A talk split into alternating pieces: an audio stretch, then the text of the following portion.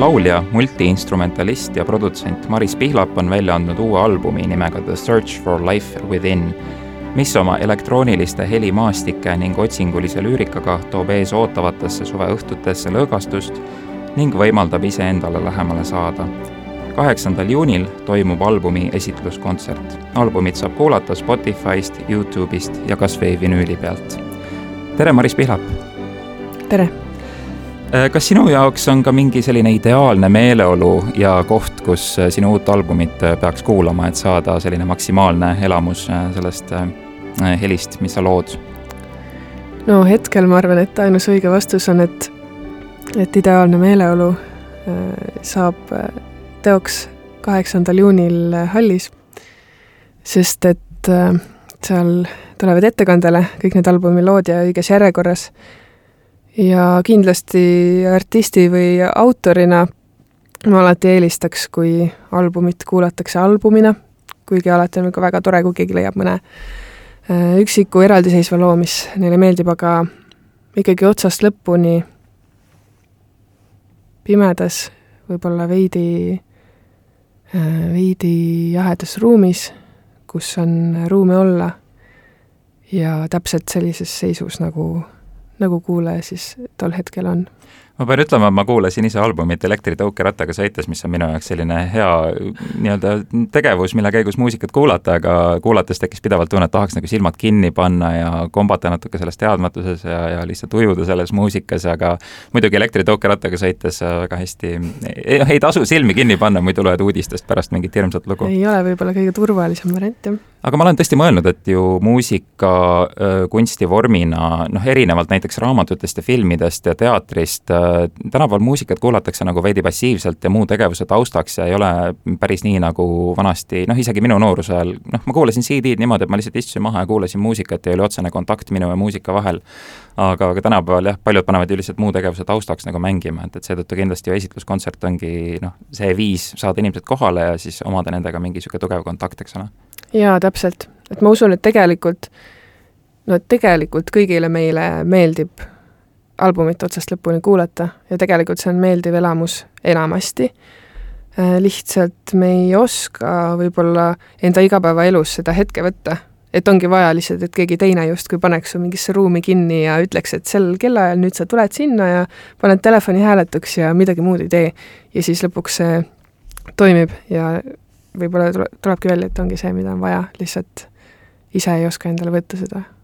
Jaa, et, et kindlasti osad ka loevad raamatut ja samal ajal kuulavad siis muusikat ja ma ei tea, üritavad kahte asja siduda lihtsalt ajapuuduse tõttu. aga sinul selle albumi tegemine võttis, ma saan aru, poolteist aastat aega? umbes midagi sellist. nii, oli seal hõredamaid kui ka tihedamaid perioode mm. -hmm. Et jah, see on huvitav mõelda, et tegelikult ühe albumi tegemine võtab poolteist aastat, aga samas inimene kuulab seda siis jah, kolmveerand tundi või tund aega, et tegelikult albumit kuulates tihti ei taju isegi, et kui pikk protsess see tegelikult on, et aga kuidas see protsess sinu jaoks täpselt välja näeb, et kas sul nii-öelda albumit tehes, kas, kas kõik algab nagu ühest laulust, mis seab mingisuguse meeleolu paika või sa juba tead ette, et mis, mis selle albumi nii-öelda terviklik nägu saab olema, kuidas see täpselt välja näeb? minu jaoks pigem see algab kuidagi mingist teisest otsast, et, et ma ei hakka nagu, mul ei ole mingisugust sellist skeemi ees ja siis, kus ma hakkaks nagu lünkasid täitma, et nüüd on see lugu ja siis on selline ja siis on see meeleolu, et äh, ma arvan, et enne tuleb mingi hunnik lugusid, vähemalt nende kahe plaadi põhjal, mis ma olen teinud, see võib alati muutuda, aga et tuleb mingi hunnik lugusid ja siis pigem ma nagu hakkan nagu kuidagi tagantpoolt või sealt lõpust siis tagasi tulema, et sellele plaadile äh, või selle kirjutamise käigus ma arvan, et tegelikult mu sündis kuskil võib-olla peaaegu kolmkümmend lugu, millest kõik ei ole, ei saanud lõpuni valmis, aga vähemalt selline kolmkümmend ideed. ja siis hakkasin sealt nagu taga, tagurpidi lihtsalt asju ära võtma, et äh, lasin kuidagi ise nendel lugudel pigem dikteerida selle äh, mis see terviksõnum siis lõpuks kokku oli? minu meelest see on hästi otsinguline album ja kohati tekitab tunde tõesti nagu kompaks natuke pimeduses, üritaks iseendast aru saada ja enda elus toimuvast aru saada ja see kõik, kõik toimub justkui isegi nagu mingi nööri peal või nagu nööri peal kõndimine. või mingi selline tunne mul tekkis, ma ei ole otseselt muusikakriitik, aga lihtsalt vahendades enda elamust, mis ma sellest sain mm, -hmm. et et millised sündmused sinu enda elus on, on andnud inspiratsiooni nendele lauludele ja, ja juhtinud nende sellist helikõla ja lüürikat um.?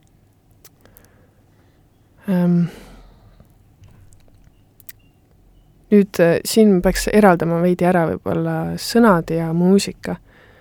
Äh, mul on niisugune tunne, et muusika või see justkui mingi minu kõla, mis tal paratamatult küljes on, see tuleb kuskilt, ma isegi ei tea, kust, ja see on kuidagi niisugune mingi suurem nagu, suurem mingi, mingi pagas, mis mul on kuskil olemas ja kui ma teen lugu, siis see lihtsalt tuleb kuidagi sarnaselt välja ilmselt siis alateadlikult võttes inspiratsiooni kõigest sellest, mida ma üldse kunagi kuulnud või mänginud või õppinud olen, ja jäljendades kõike seda, mis juba maailmas eksisteerib.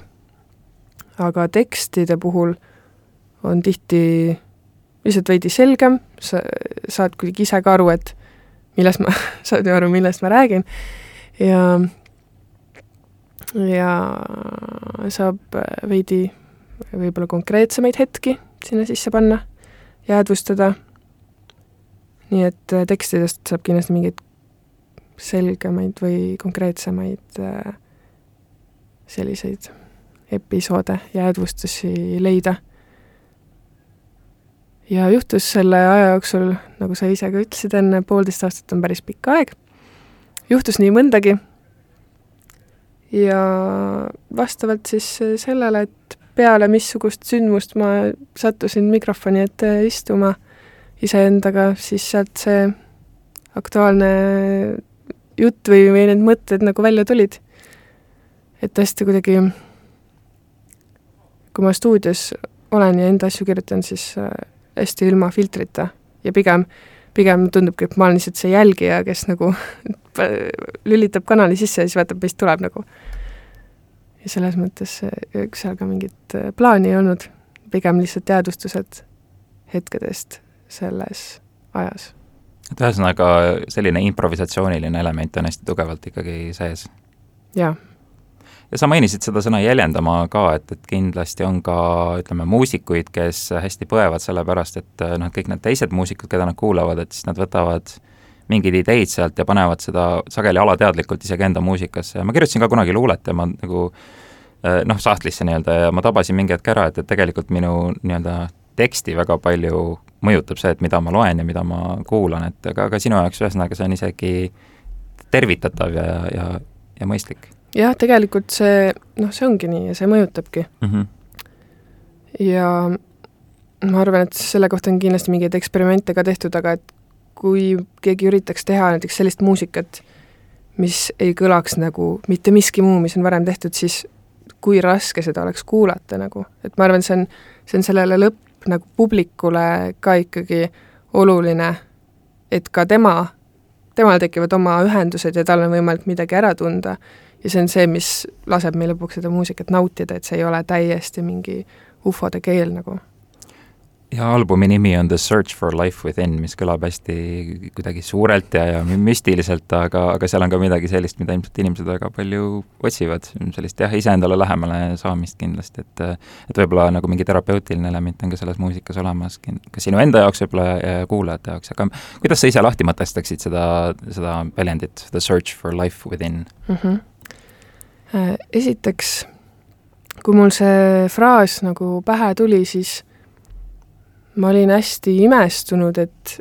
seda guugeldades, mul oli niisugune tunne, et et ah, et see on ju nagu nii kuidagi levinud väljend et, et kõik ju teevad seda. ja ma olin täiega imestunud, et mis asja, et ei olegi ühtegi sellenimelist albumit, ei ole isegi ühtegi sellenimelist mingit muud teost nagu tehtud, ja selles mõttes täiega üllatusin, sest et mulle tundus ka, et see on kuidagi hästi universaalne mingi kogemus inimeseks olemise juures ju um, aga kust see idee tuli, tuli, ma arvan, peamiselt sellest, et ma olen ise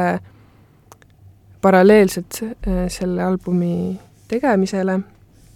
Äh, olen samasse ajaperioodi mahutanud ka otseses mõttes siis otsingud enda seest ja ma olen läbi erinevate mm, murede ja nende lahendamiste leidnud,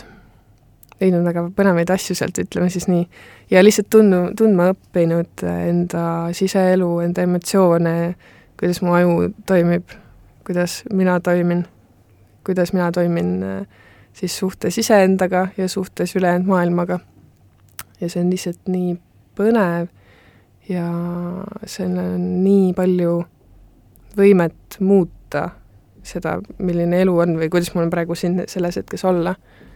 ja sellepärast ma pidasin oluliseks seda kuidagi välja tuua. ja sellel albumil on üks äh, selline ebatäiuslikkuse moment ka sees nii-öelda, et, et sa ei lasknud segada ennast mingitel välistel helidel, mis salvestusse sisse jäävad ja justkui lasid need albumile, et luua selline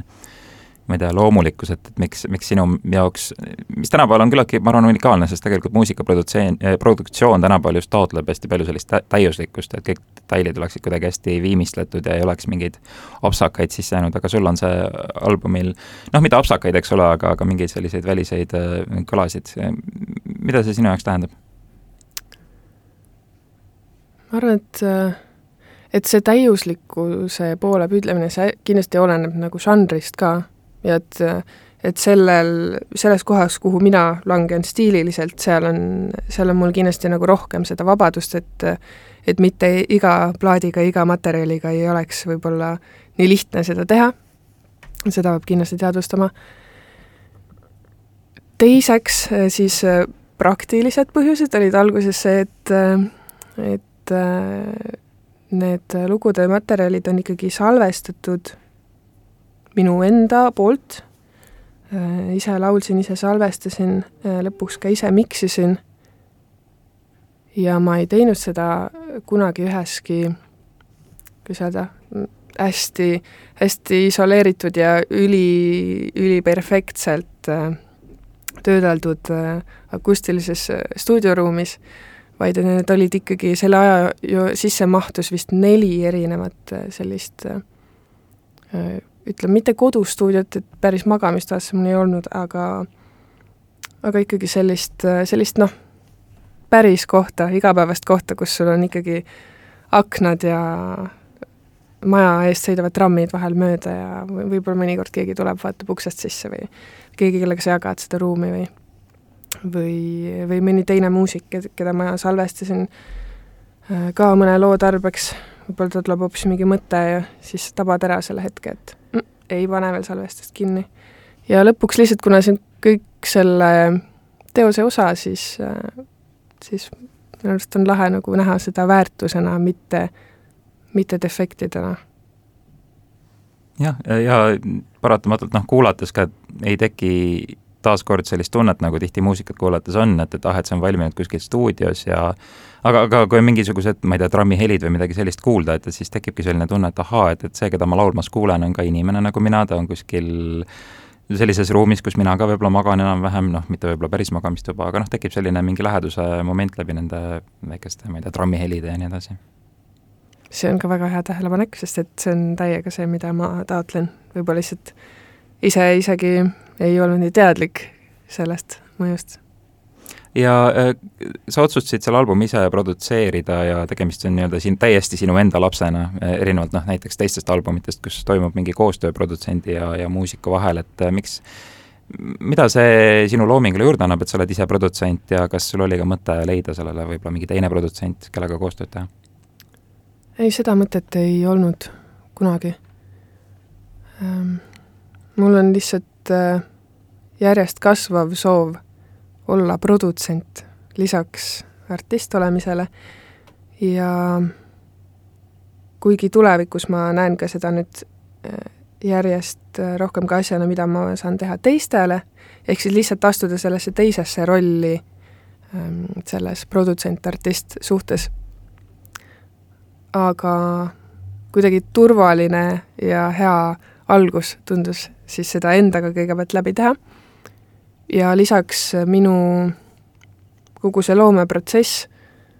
mulle tundub, et on kuidagi sellist laadi, et, et see lihtsalt toimib kuidagi hästi ja see tuleb väga kergelt, kui ma olen üksi iseendaga. mis on vahepeal nagu tüütu ka või nagu vahepeal, kuidagi tahakski kellegagi koos töötada, aga seda saab siis teistes vormides teha. et lihtsalt, lihtsalt kui ma need tehnilised asjad ükskord endale selgeks tegin, siis siis see muutus nagu hästi orgaaniliseks, hästi kuidagi sujuvaks, et mulle tundub, et mina iseennast produtseerimas on selles mõttes hästi ökonoomne mingi formaat,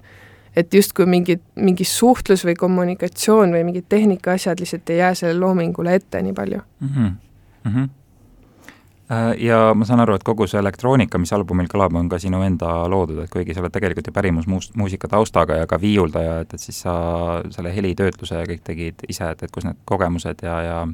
tulid ja kus sa seda õppisid? seda ma olen õppinud äh, siit ja sealt. Äh, see sai alguse kindlasti Viljandi Kultuuriakadeemias äh, teatud äh, loengutest, äh, kuigi ma olin ka seal pärimusmuusika ja hiljem rütmimuusika osakonnas, siis siis ka meile anti ikkagi heldelt neid helitehnoloogia tunde ja õppisime, tegime algust miksimisega, salvestustehnikatega ja ühel hetkel sealt, sealt kuidagi, sealt kuidagi hakkas pihta ja siis mul lihtsalt oli nagu see huvi oli kohe piisavalt suur, et, et ma tegin alati tiba rohkem, kui võib-olla oli kodune töö. ja ühel hetkel lihtsalt saingi aru, et aa, tegelikult see ongi juba nagu natuke elektrooniline musa, mida ma teen või et et ühel hetkel miksimisest sai juba remiximine või, või lihtsalt kuidagi, kuidagi oli see mingi uudishimu nende tööriistadega mängida, mis ma sealt koolist sain, ja hiljem nüüd iga päevaga lihtsalt saan järjest teadlikumaks ja ja nüüd oskan ka ise võib-olla abi küsida, nõu küsida, teistelt inspiratsiooni saada, tehes sama asja. Ja ma kujutan ette, et paljud, kes tegelevad pärimusmuusikaga, et neil on natuke eelarvamusi võib-olla elektroonilise muusika osas või siis nii-öelda digitaalselt loodud, arvutis loodud muusika vastu, aga sina paned sellise oma pärimusmuusika tausta ja elektroonika kuidagi hästi kohtuma sellel albumil, et mis need ühendavad lülid sinu jaoks on ja, ja kui loomulik see protsess oli? see oli väga loomulik, see oli isegi nii loomulik, et et ma võib-olla alguses ei teinud seda nagu meelega või see oli kuidagi niisugune ähm, juhus. Aga mingil hetkel ma lihtsalt sain aru, et et minu kuskil nagu ma ei tea, DNA-s või kuskil ajumustrites on see pärimus äh, nii sees, kuna ma seda nii kaua mänginud ja selle keskel olnud ja kuulanud, et isegi kui ma võtan uue projekti ette ja mõtlen, et nii, siit tuleb nüüd üks täielik mingi klubihitt lihtsalt või mingi mis iganes asi, siis ikkagi juhtub, et see, seal on mingi pärimusmuusika kõla sees. Seda, no seda on võimalik maha keerata, aga otseselt mu enda asjade puhul äh, sain aru, et ei olegi vaja. et lihtsalt äh, see toimub kuskil mu alateadvuses, see kombineerimine, ja minu jaoks see on hästi loomulik, sest et äh, teistpidi, nii kui öeldakse, et pärimusmuusikutel on võib-olla eelarvamus elektroonika suhtes, siis ma arvan, et ka vastupidi, võib-olla ülejäänud inimestel on natuke eelarvamused pärimusmuusikute suhtes, et et kindlasti on, on vaja ka neid inimesi, kes oleks hästi nagu traditsiooniteadlikud ja hoiaksid seda originaali, aga noh, kõrvalt vaadates on ikkagi järjest enam ja enam seda vabadust ja väga huvitavaid ideid ja ja uusi lähenemisviise, mis võimaldavad sellel pärimusel siis edasi elada ja veel kaugemale jõuda. Jah, ja annavad sellele võib-olla sellise kaasaegse vormi, mis teeb ta ligipääsetavamaks võib-olla noortele inimestele tänapäeval ja just ja tegelikult albumit kuulates äh, ei saanud jääda märkamata, et ta keeldub justkui allumast ühele kindlale stiilile tegelikult, et äh, vahepeal tõesti, mulle meenutas isegi trip-hopi nagu üheksakümnendate sellist äh,, selliseid biite ja, ja ja tõesti siis maailmamuusikat mingitel hetkedel, aga samas ta moodustab sellise väga ühtlase ja, ja ilusa terviku, aga kas, kas sa neid laule tehes nii-öelda üldse mõtled ka nendele stiilidele, et oh, et nüüd ma teen midagi sellist või sellist või kas see tuleb kuidagi siis täiesti loomulikult? Ma olen natuke võtnud sellise seisukoha lihtsalt, et äh, mina teen muusikat ja ja las siis ajakirjanikud, muusikukriitikud või, või mingid kuulajad äh, siis äh, eemalt vaadates ütlevad, sest et nemad tõenäoliselt näevad niikuinii selgemini seda, et kuhu see siis paigutub või mis žanr see on. kindlasti mingid, nagu mis puudutab mingeid konkreetseid elemente, siis ma püüan nagu olla teadlik, et kust ma mida võtan, kust miski pärit on, eriti oluline, mulle tundub, see on viimasel ajal maailmamuusika kasutamises. et ikkagi peab olema mingil määral teadlik, on ju, et mis elemente sa kasutad, selleks et sa saaksid seda teha aupaklikult, mitte seda kuidagi lihtsalt äh, ära kasutades, sest mm -hmm. et kõlab fun'ilt või nagu on kuidagi lahe. aga mis puudutab seda tervikut jah, siis, siis ma isegi ei soovigi kuidagi nimetada seda. Ja huvitav on see, et albumil küll laulud on inglise keeles, aga vahepeal seal kõlab ka eesti keelt ja, ja kindlasti mul tekkis huvi selle keele kohta täpsemalt, et kas inglise keeles laulude salvestamine on lihtsalt selleks, et teha ta ähm, ligipääsetavamaks võib-olla välismaa inimestele või on sellel mingisugused külalised põhjused ka või miks sa just inglise keeles tavaliselt laulad ja, ja miks albumil ka eesti keelt kõlab niimoodi segamini natuke mm.? tegelikult on niimoodi, et, et mul, mul tuleb laule nii eestikeelselt kui ingliskeelselt välja siis loomeprotsessis. ja neid on, ma arvan, isegi üsna võrdselt nagu mul lihtsalt failidena seal kuskil kaustas, äh, lihtsalt selle terviku valiku käigus praegu kogunes see tervik enam-vähem enamuses äh, ingliskeelseks, aga kuna minu jaoks ja nagu tööprotsessis need on hästi segamini, siis äh, siis ongi juhtunud nii, et, et lihtsalt mõnesse ingliskeelsesse loosse tuleb mingi eestikeelne lause sisse või või on pealkiri jäänud lihtsalt eestikeelne töö pealkiri ingliskeelsele loole. või juhtub ka seda, et hakkan mingit biiti tegema, mõeldes mingit ingliskeelset fraasi kuidagi sinna ja paari kuu pärast selgub, et kuule, siin on, siia käib hoopis eestikeelne tekst nagu. et kuidagi see ongi hästi seotud ja segamini minus ja sellepärast, sellepärast see ongi võib-olla, võib-olla seda võib siis ka võtta nagu tükikest sel, seda autentsust nagu, mis on sisse jäetud. ja esitluskontsert, kuidas sa plaanid seda esitada, kui ta on, ütleme ikkagi elektrooniline muusika, kas osa tuleb siis nii-öelda, mängib kuskilt taustaks sulle peale või, või kuidas sa kavatsed selle niimoodi läbi mängida, et ta oleks võimalikult albumilähedane mm? -hmm. see, oi, seda ma olen leiutanud ja mõelnud ja et ähm, see on üks pikk teekond olnud, ma arvan, et, et kõigil, eriti, eriti elektroonilise muusika artistidel, kes on üksi laval, et see on üks äh, paras leiutamine, ei ole nagu ühte, ühte kindlat või mingisugust klassikalist set-up'i, et vot, et õpi minu järgi ja siis saad niimoodi teha. et äh, igaühel on omad mingid masinad, mis, mis neil võib-olla kõige paremini kuidagi käe all on või mida nad usaldavad. aga minul on tõepoolest nii, et et osad elemendid, mis ma olen arvutis valmis teinud, need tulevad ka minuga nii-öelda arvutiga kaasa või õigemini siis ühe sampleriga, aga ma ikkagi hoian nagu kõike enda käe all, et sellist asja, kuidagi võib-olla mul ei ole piisavalt usaldust elu vastu, et kuskile kellelegi teisele anda, et näed, sealt nüüd vajutad play ja siis tuleb kuidagi. et kõik on ikkagi mu enda käe all ja ma olengi kuidagi lähenenud sellele nii, et et album sai valmis ja, ja et ma kirjutades kuidagi ei, ei lase ennast takistada sellele, et oota ei, aga ma ei saa sinna kolm häält panna, et ma ei saa ju neid nagu laulda korraga. et kuidagi seal, sellel hetkel ma üldse ei mõelnud sellele ja nüüd niimoodi tagurpidi lihtsalt tagasi mõeldes mm, jätan mingid asjad ennast toetama ja mingid asjad, mida mul on võimalik siis selles hetkes teha, siis äh, nii palju kui võimalik, saavad siis äh, taasesitatud võib-olla kunagi, kui kloonimistehnoloogia saab äh, nii-öelda levinuks või see luuakse, siis äh, on võimalik luua iseenda koor täielik see oleks väga põnev. no vot jah, et see ongi see, kuidas tehnoloogia aitab muusikale kaasa. ja muidugi laval ühineb sinuga ka Evert Sundja, et sa tegid Evert Sundjaga ühe laulu äh, sellel albumil, et kuidas see koostöö temaga välja nägi ja, ja kust tekkis äh, mõte lisandada üks teine hääl ka enda albumile? see oli jälle täpselt niimoodi, et et lugu nagu andis mulle teada või kuidagi, kuidagi saatis selle nii-öelda sõnumi, et kuulasin, kuulasin seda laulu, mul oli niisugune poolik laul oli, oli tükk aega arvutis mingi, noh ikka kuid. ja tulin muudkui tagasi, mõtlesin, et kuidagi hästi lahe, aga, aga midagi on nagu puudu. et okei okay,, pikkuse poolest ka vaata, et okei okay,, teine salm, aga aga siis nagu, et kõrv tahaks nagu mingisugust äh, mingisugust äh, muud asja, et kuidagi ei viitsi, ei viitsi enda häält võib-olla kuulda kogu aeg. ja lihtsalt sain aru, et siin peab olema üks meeshääl. ja see temaatika, see tekst oli ka just juba nagu äh, kuidagi sinnapoole ise liikuma hakanud, et äh,, et teema oli nagu erinevad äh, perspektiivid.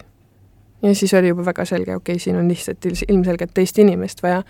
ja ma tahtsin väga, et see teine inimene ka kirjutaks ise oma salmi, et see olekski nagu ka siis päriselus nagu sama, et, et mitte mina ei räägi siin, et mingi nii ja siis tema arvab nii ja mina näen nii ja kõik see läheb nii kokku. ja siis kuulasin, kuulasin seda demo ja mõtlesin alguses äh, kuidagi ei leidnud, ei leidnud oma peas isegi nagu seda vastust, et nii, kes see võiks olla lõpuks võtsin julguse kokku siis Eesti mõistes kõige suuremalt ka mõelda. ja siis kuulsingi kuidagi vaimusilmas, et see võiks äkki Evert olla. ja hästi toredasti ta oli kohe nõus sellega. ma arvan, et see oli päris lühike aeg, mm, mis seal siis nagu vahele jäi, et sellest hetkest, kui ta demo sai, siis samal õhtul juba, juba sain mingisugused esimesed katsetused tagasi ja sealt noh, sealt oli juba olemas selles mõttes. ja kui ta selle salmi ise kirjutas, kas sa ütlesid talle, et um, kuidas seda kirjutada või millest kirjutada õigemini või andsid talle täiesti vabad käed selles? ei, mul ei olnud vaja mitte midagi isegi öelda, sest et äh, no õnneks läks ka nii, et äh, et ma arvan, et Evertil ka kohe klikkis ära, ta sai kohe aru, mis lugu see nagu on. Ja sinu juttu kuulates on hästi lahe see, et sa, nagu sinu loomeprotsess on kuidagi hästi loomulik ja sa, ja mõtled selle peale, et mis lugu laul räägib ja kuidas muusikaliselt äh, panna see klappima sellega, millest laul räägib või lüürika räägib, et äh, et see on äh, jah, isegi vist ainulaadne tänapäeval või noh, üsna tihti ikkagi muusikud väga mõtlevad produktsiooni mõttes kõik kuidagi noh, rohkem sellele helile lihtsalt, et ta kõlaks lahedalt ja inimesed tõmbaks kaasa, aga sinu muusikas on ikka selline mingi emotsionaalsus ja läbimõeldus sees jah, võib-olla nii on, vot see on see koht, kus ma, ma, mina ei oska võrrelda, ma arvan, et selleks ongi kõrvaltvaatajaid vaja. aga kui, kas ise muusikuna, kes sind inspireerib või kas on mingeid selliseid kaasaegseid muusikuid, kes sinu jaoks on nagu meeletult põnevad, siis kas oma hääle või siis äh, lüürika või muusika enda poolest, kas siis välismaised või eestimaised? Neid on tohutult palju mm. -hmm et kuna, kuna ma oma lähenemiselt olen ise ka niisugune megamiksija ja kõige kokkusegaja, siis siis äh, ei olegi saanud ka nagu ühelt inimeselt nagu kõike ammutada. ja kuidagi, kuidagi neid on isegi liiga palju, et nimetada, sest tõesti, tõesti kuidagi, kuidagi kui kui õpid nagu niimoodi võib-olla vaatama või kuulama, et, et okei okay,, mulle ei peagi alati tervik meeldima, aga sa leiad mingi asja näiteks, et ma ei tea, mulle meeldib mingi pärimusmuusika viiuldaja juures lihtsalt see, kuidas ta mingit lahtist keelt kaasa tõmbab või, või äh, mingisuguse hip-hopi salvestuse juures see, kuidas mingid suvalised äh,, ma ei tea, hetke, hetkehäälitsused on lihtsalt peale jäänud või või see, kuidas äh, trummipassi produktsioon on just täpselt see perfektne, kõik on nagu viimase piirini täiesti tasakaalus. et igast asjast on nagu midagi võtta. Ja sellepärast äh, ongi huvitav suht igal pool nagu kõrvad lahti käia jaa, mulle ka jubedalt meeldib Bob Dylan ja ta on ka selline artist kusjuures, kes iga laulu salvestabki ainult paar korda ja kui sinna jääb mingi viga sisse, siis ta ei hakka sellega tegelema, nii et tema albumitel on ka kohti, kus ta laulab nagu valesti midagi, kas siis sõnu või närib nätsu, et seda on kuulda, või siis tal on nohu ja siis ta noh, pole hakanud terveks saama, vaid lihtsalt nohuga tegi albumi, et et selle, see on omamoodi võluv ju tegelikult tõesti, et, et selline mingi loomulikkus ja vahetus mm. -hmm ja ma mõtlesin ka korra Billie Eilish'i peale tegelikult, sest minu meelest Billie Eilish on, ütleme, populaarsetest muusikutest üks selline, kes kuidagi samamoodi äh, taotleb teatavat minimalismi ja on kuidagi näidanud, et lihtsuses on ka mingisugune võlu, et, et minu meelest tema muusika on ka selline hästi äh, oma väikses mullis tehtud, hästi, tõesti minimalistlik, hästi kammerlik kuidagi, vähe elemente on seal sees, aga millegipärast see on jubedalt populaarne, et, et võib-olla just tõesti vähem ongi rohkem tihti isegi tänapäeva populaarses muusikas. jaa, tõesti ka äh, Billie Eilish on üks nendest äh, tuhandest, kes on tegelikult mind väga palju inspireerinud, mäletan seda, seda aega, kui ma ta avastasin paari aasta, ta-, paar aastat tagasi, et siis see oli tõesti nagu noh, see ava-, avas nagu jälle mingi uue lähenemise või et see oli täiega niisugune mingi avastuse hetk, et aa, niimoodi saab ka ja nii vähe saabki teha ja see saab nii hästi toimida nagu. ja see hästi inspireeris. kui sa paned näiteks ütleme, mõne popmuusikat mängiva raadiojaama käima, siis äh, mis sulle kõige rohkem kõrvu jääb, ütleme, lauludest või, või siis laulude seest nii-öelda, kui sa neid kuulad ja mida sa üldse arvad tänapäevasest sellisest populaarsest muusikast? ma pean tunnistama, et ma väga tihti ei pane seda raadiojaama käima, aga kui see siiski juhtub, siis äh, nüüd, olles produtseerinud ja miksinud selle albumi mm, -hmm. ma olen täiega õppinud hindama popmusas äh, seda, kuidas vokaalid on töödeldud. Mis on võib-olla siis juba see, jääb rohkem sinna tehnilise poole peale Äh, aga kindlasti see tegelikult algab juba salvestushetkest, kus laulja on stuudios. aga kõik see, mis, mis tegelikult jõuab veel, mahub veel sinna vahele, seni kuni lugu on nagu valmis ja mängib raadiosse, see on tegelikult meeletu töö ja see on, see on ka nagu noh, täiesti omaette kunst. et see on, ma kõige rohkem asi, mida ma imetlen popmusa puhul no mis mulle tänapäeva popmuusikutest meeldib ja kes mulle meeldib, on tegelikult Taylor Swift ja ma toon selle üles, kuna mu abikaasa ei salli üldse Taylor Swifti ja siin huvitav nii-öelda väike ähm, vastuolu meie vahel, et, et minu meelest ta on meeletult andekas, et, äh, et kas oled tema muusikat ka kuulanud ja kuidas sa Taylor Swifti näiteks suhtud? kuigi ma saan aru, et noh, teie stiil on küllaltki erinev mm, -hmm. aga tunnen lihtsalt huvi, et sinu kui muusika jaoks. pean tunnistama, et äh, ei ole väga kuulanud mm. -hmm ja ma ei ole ka liiga palju nagu siis mõelnud, et mingit hinnangut või arvamust nagu tekitada. Ma lihtsalt tundsin huvi, sest ma olen nagu mõelnud, et mis tema juures nagu paeluv on, aga temas on ka mingisugune nii-öelda personaalne element või nagu tunned, et, et ta, see muusika tuleb kuidagi tema seest ja tema hingest, et minu meelest see on noh, popmuusikas tihti asi, mida väga palju ei kohta, ütleme, kui raadiost laule kuul-, kuulda, noh, tihti tema nagu pophitid on ka küllaltki sellised need, mis raadios kõlavad, ei ole väga head, aga, aga ta on ka kuidagi hästi isiklik, et see on see, mida minu meelest rohkem oleks ju vaja tegelikult muusikas mm. -hmm. aga kui sa ise oma laule näiteks äh, kirjutad, siis kuidas see kirjutamisprotsess välja näeb, et kas kõigepealt tuleb siis lüürika või sa jõuad kõigepealt mingisuguse heliprofiilini või äh, milline üks laulu valmimisprotsess välja näeb täpselt? mida aeg edasi, seda erinevamad äh, kogemused on mm, -hmm. aga ma arvan, et suurem osa lugusid on alanud ikkagi mingist äh, taustast või mm. mingist biidist. et kui mul midagi juba all mängib, millega ma saan nii-öelda nagu koos jämmida, siis, äh, siis tuleb see laul ise sinna. ja kas sul on äh, ka mingid sellised andunud fänne juba tekkinud, kes nagu, kellega sa oled suhelnud ja kes võib-olla kuulsid sinu debüütlühialbumit, kas, milline see tagasiside on siiani sinu muusikal olnud ja milline suhe sul on, ütleme, fännidega või inimestega, kes kuulavad su muusikat? ma ei tea täpselt, kust maalt on andunud fänn, aga mm -hmm. ma tõesti tunnen küll seda toetust väga, väga selgelt ja väga tugevalt. ja pigem, pigem just nendes mingites isiklikes pöördumistes et mingid numbrid ja mingid massid nagu noh, see lõpuks ei kõneta, see on lihtsalt mingi number või mingi statistika kuskil, et ma ei tea, kui palju on kuulatud või kui palju on like itud või mitu albumit nüüd müüdud on. aga hästi palju on ikkagi seda äh, südant soojendavat äh, kontakti olnud, kui noh, kõige parem on ikkagi see, kui keegi, keegi annabki teada enda kogemusest, mida minu muusika või mõni lugu on äh, temas siis nagu käima lükanud. See on vist selline ülim unelm, mis loomingulistel inimestel on, see, et, et saaks nagu puudutada kedagi kuidagi eriliselt läbi oma loomingu mm. aga tihtilugu kindlasti on selline kummaline tunne, et teed albumi valmis ja siis see läheb kuskile Spotify'sse, kuskile Youtube'i ja hakkab kuidagi oma elu elama, aga tegelikult sellist äh,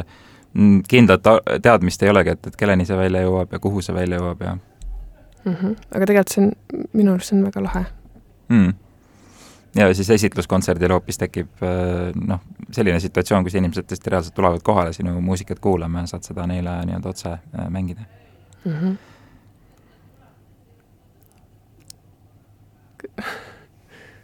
jah, ei oska lisada midagi nii on. ma lobisen hästi palju, vabandust. aga see albumi, noh, selle juurde kuulub tegelikult ka albumi kaas ja, ja, ja selline nii-öelda visuaalne disaini külg, et kuidas album hakkab välja nägema, milline tema plaadikujundus on. kas see on ka täiesti sinu enda idee, sinu enda looming ja, ja, ja miks näiteks ühele albumile peaks tegema sellise plaadikaane või sellise ümbrise näiteks? Mm, see ei ole kin-, kindlasti nüüd ainult minu looming mm -hmm. ja visuaalne pool on tõesti see, kus, kus ma sain siis nautida seda, et, et ma ei tööta ainult üksi iseendaga. mul oli päris mitu toredat abilist mm,, ma tahaksin nad siinkohal ka nimetada. Äh, esiteks oli Regina Tager, kes, äh, kes tegi ka minu eelmise esimese albumi kujunduse kes on äh, siis juba pikemalt minu kõrval olnud ja alati aidanud igasuguste pildistamiste ja isegi meikide tegemisega. ja kuidagi kohe teadsin, et, et see on juba see turvatsoon, et, et kui paistis, et album hakkab äh, sündima, siis, siis võtsin Reginaga ühendust, et nii, palun, palun nüüd seda suunamist, et hoia mu kätt siin natukene ja mõtleme koos välja selle ja siis äh, meile tulid ka appi Nele Kurvits ja Aimur Takk.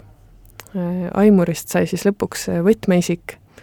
kelle käe alt tuli välja plaadikaas ja ka kõik need lühikesed videod, mis on nüüd Spotify canvas'tena Spotify's kuulates üleval, mis on minu arvates isiklikult imeilusad, need on kõik nagu nad vääriks nii palju rohkem tähelepanu või seda spotlighti, kui nad ainult seal Canvases saavad, aga eks me mõtleme, kuidas seda, kus seda saab veel kasutada. ja see protsess oli hästi lahe selles mõttes, et et nad hästi nagu hoidsid mind ka nagu selles, selles mõttekäigus sees ja et kindlasti nagu see mingi algmaterjal, millest see lõpuks valmis sai, oli nagu minu oma ja teised ka hästi aus-, austasid seda, aga lõpuks noh, kui ma oleks selle üksi teinud, siis ei oleks midagi ligilähedastki. et ma olen hästi, hästi tänulik selle eest. kas äh, sul muusikuna on ka juba mm, tekkinud mingisugust survet äh, just selles sotsiaalmeedia osas, sest tänapäeval ikkagi inimesed saavad nii palju infot läbi sotsiaalmeedia ja ma tean, et äh, ütleme, populaarsed välismaa muusikud on väga palju rõhutanud, et nad ei, tegelikult ei oska navigeerida selles sotsiaalmeedia maastikus ja justkui oodatakse neid, neilt nii-öelda viraalseid laule või selliseid äh, no selliseid, mis ko-, kohe tõmbavad inimese libi, ligi läbi Instagrami näiteks, et kas, kas mingi selline surve on sinu jaoks ka juba olemas või, või sa lihtsalt tegid oma albumi valmis ja lasite selle välja ja loodate jõuda võimalikult paljudeni? Ei, mingit niisugust survet ma küll ei tunne mm. -hmm. ma pigem olen proovinud kuidagi hästi nagu teadlikult hoida teistpidi selle suhte sotsiaalmeediaga. et, et tema ei kontrolliks mind, vaid et mina vaatan, mis üldse, mis on üldse need kanalid ja mingid formaadid, mis mi-, mis ma nagu saan heaks kiita ja kus ma nagu, kus ma siis võtan selle vastutuse nagu üldse võib-olla luua või, või kuhu ma pürgin nagu jõuda. see Spotify Canvas on, on mis asi? See on siis äh, nüüd äh, selline, ma arvan, kas see tuli aasta eest või suht ikkagi üsna uus asi, aga need on siis sellised lühikesed äh, videoluubid, mis, mis mängivad siis taustal, et kui sa Spotify võtad lahti ja lugu mängib, siis sul ei ole mitte enam see albumi kaanepilt, vaid on, on nagu terve ekraani peal on, on niisugune hoopis täiesti teine asi. ah jaa, okei okay,, ma olen vist näinud jah, midagi sellist jah no vot, et see on jah, järjekordne näide sellest, kuidas justkui Spotify's luuakse midagi uut ja siis äh, hakkad sellega kaasas käima ja et see on ilmselt kogu selline protsess, et peab ajaga kaasas käima ja et, et mis on tänapäeval lahe ja praegu lahe, et ka album välja tuleb. muidugi, aga tore, kui seda on võimalik ikkagi enda moodi teha ja kindlasti, kindlasti ei lähe nagu, ei läheks millegagi kaasa, mis ei sobiks minu selle sõnumiga kas sul on ka praegu juba mingeid edasisi plaane, ma saan aru, et sul on äh, päris korralik musapank valmis, kus on terve hunnik laule, mis ei ole tegelikult veel ilmunud, et kas sa kavatsed veel midagi välja anda lähiajal või jätad need laulud lihtsalt kuskile isiklikku arhiivi settima praegu? no ütleme nii, et äh, ideid on siin-seal, ühtesid ja teisi ja ma arvan, et mõni, mõni reliis on ikkagi sellel aastal kindlasti veel varuks. aga kõigepealt tahan täiega anda nagu hingamisruumi sellele albumile, et tema jõuaks nüüd, justkui ta on nagu minu käte alt välja läinud, et nüüd ta jõuab seda oma, oma elu oma kuulajatega elada. Ja stuudiotöös äh, otsustasin korraks keskenduda rohkem teistele ja just võtta selle suuna, et nii, nüüd enda lapsuke on nagu valmis ja korraks, äh, korraks tegeleda teiste musaga ja just seda, neid produtsendi kingi kanda rohkem. ja suur tänu, Maris Pihlap, et tulid rääkima oma uuest albumist The Search for Life Within on nüüd välja tulnud ja seda saab kuulata kust iganes te muusikat kuulate, võib-olla osad kuulavad tõepoolest siis vinüülil ka. muide, hea küsimus ka veel lõpetuseks, et kas kas sa ise oled ka oma albumit näiteks vinüülilt kuulanud, sest vinüülil on tegelikult selline hästi hea soe kõla ja, ja tegelikult vinüüliga on see, et seda vinüüli ei ole veel, aga sa kuidagi nii enesekindlalt ütlesid, et tegelikult ma unustasin enne tegelikult... üle küsida, et kas see on vinüülil välja tulnud ja siis kuidagi sissejuhatusse juba jäi ja vot nii. Ähm, ma ei tea, kas see on saladus, aga, aga, aga tegelikult on nii, et me praegu natuke ootame, mis tagasiside tuleb mm, -hmm. aga vinüülikujundus on juba valmis ahah, no vot. ja kunagi on tulemas. nii et on tulemas äh, millalgi, nii et, et siiski saab seda vinüülilt kuulata, aga võib-olla mitte, mitte kohe. aga aitäh sulle, Maris Pihlap, et tulid äh, rääkima. aitäh kutsumast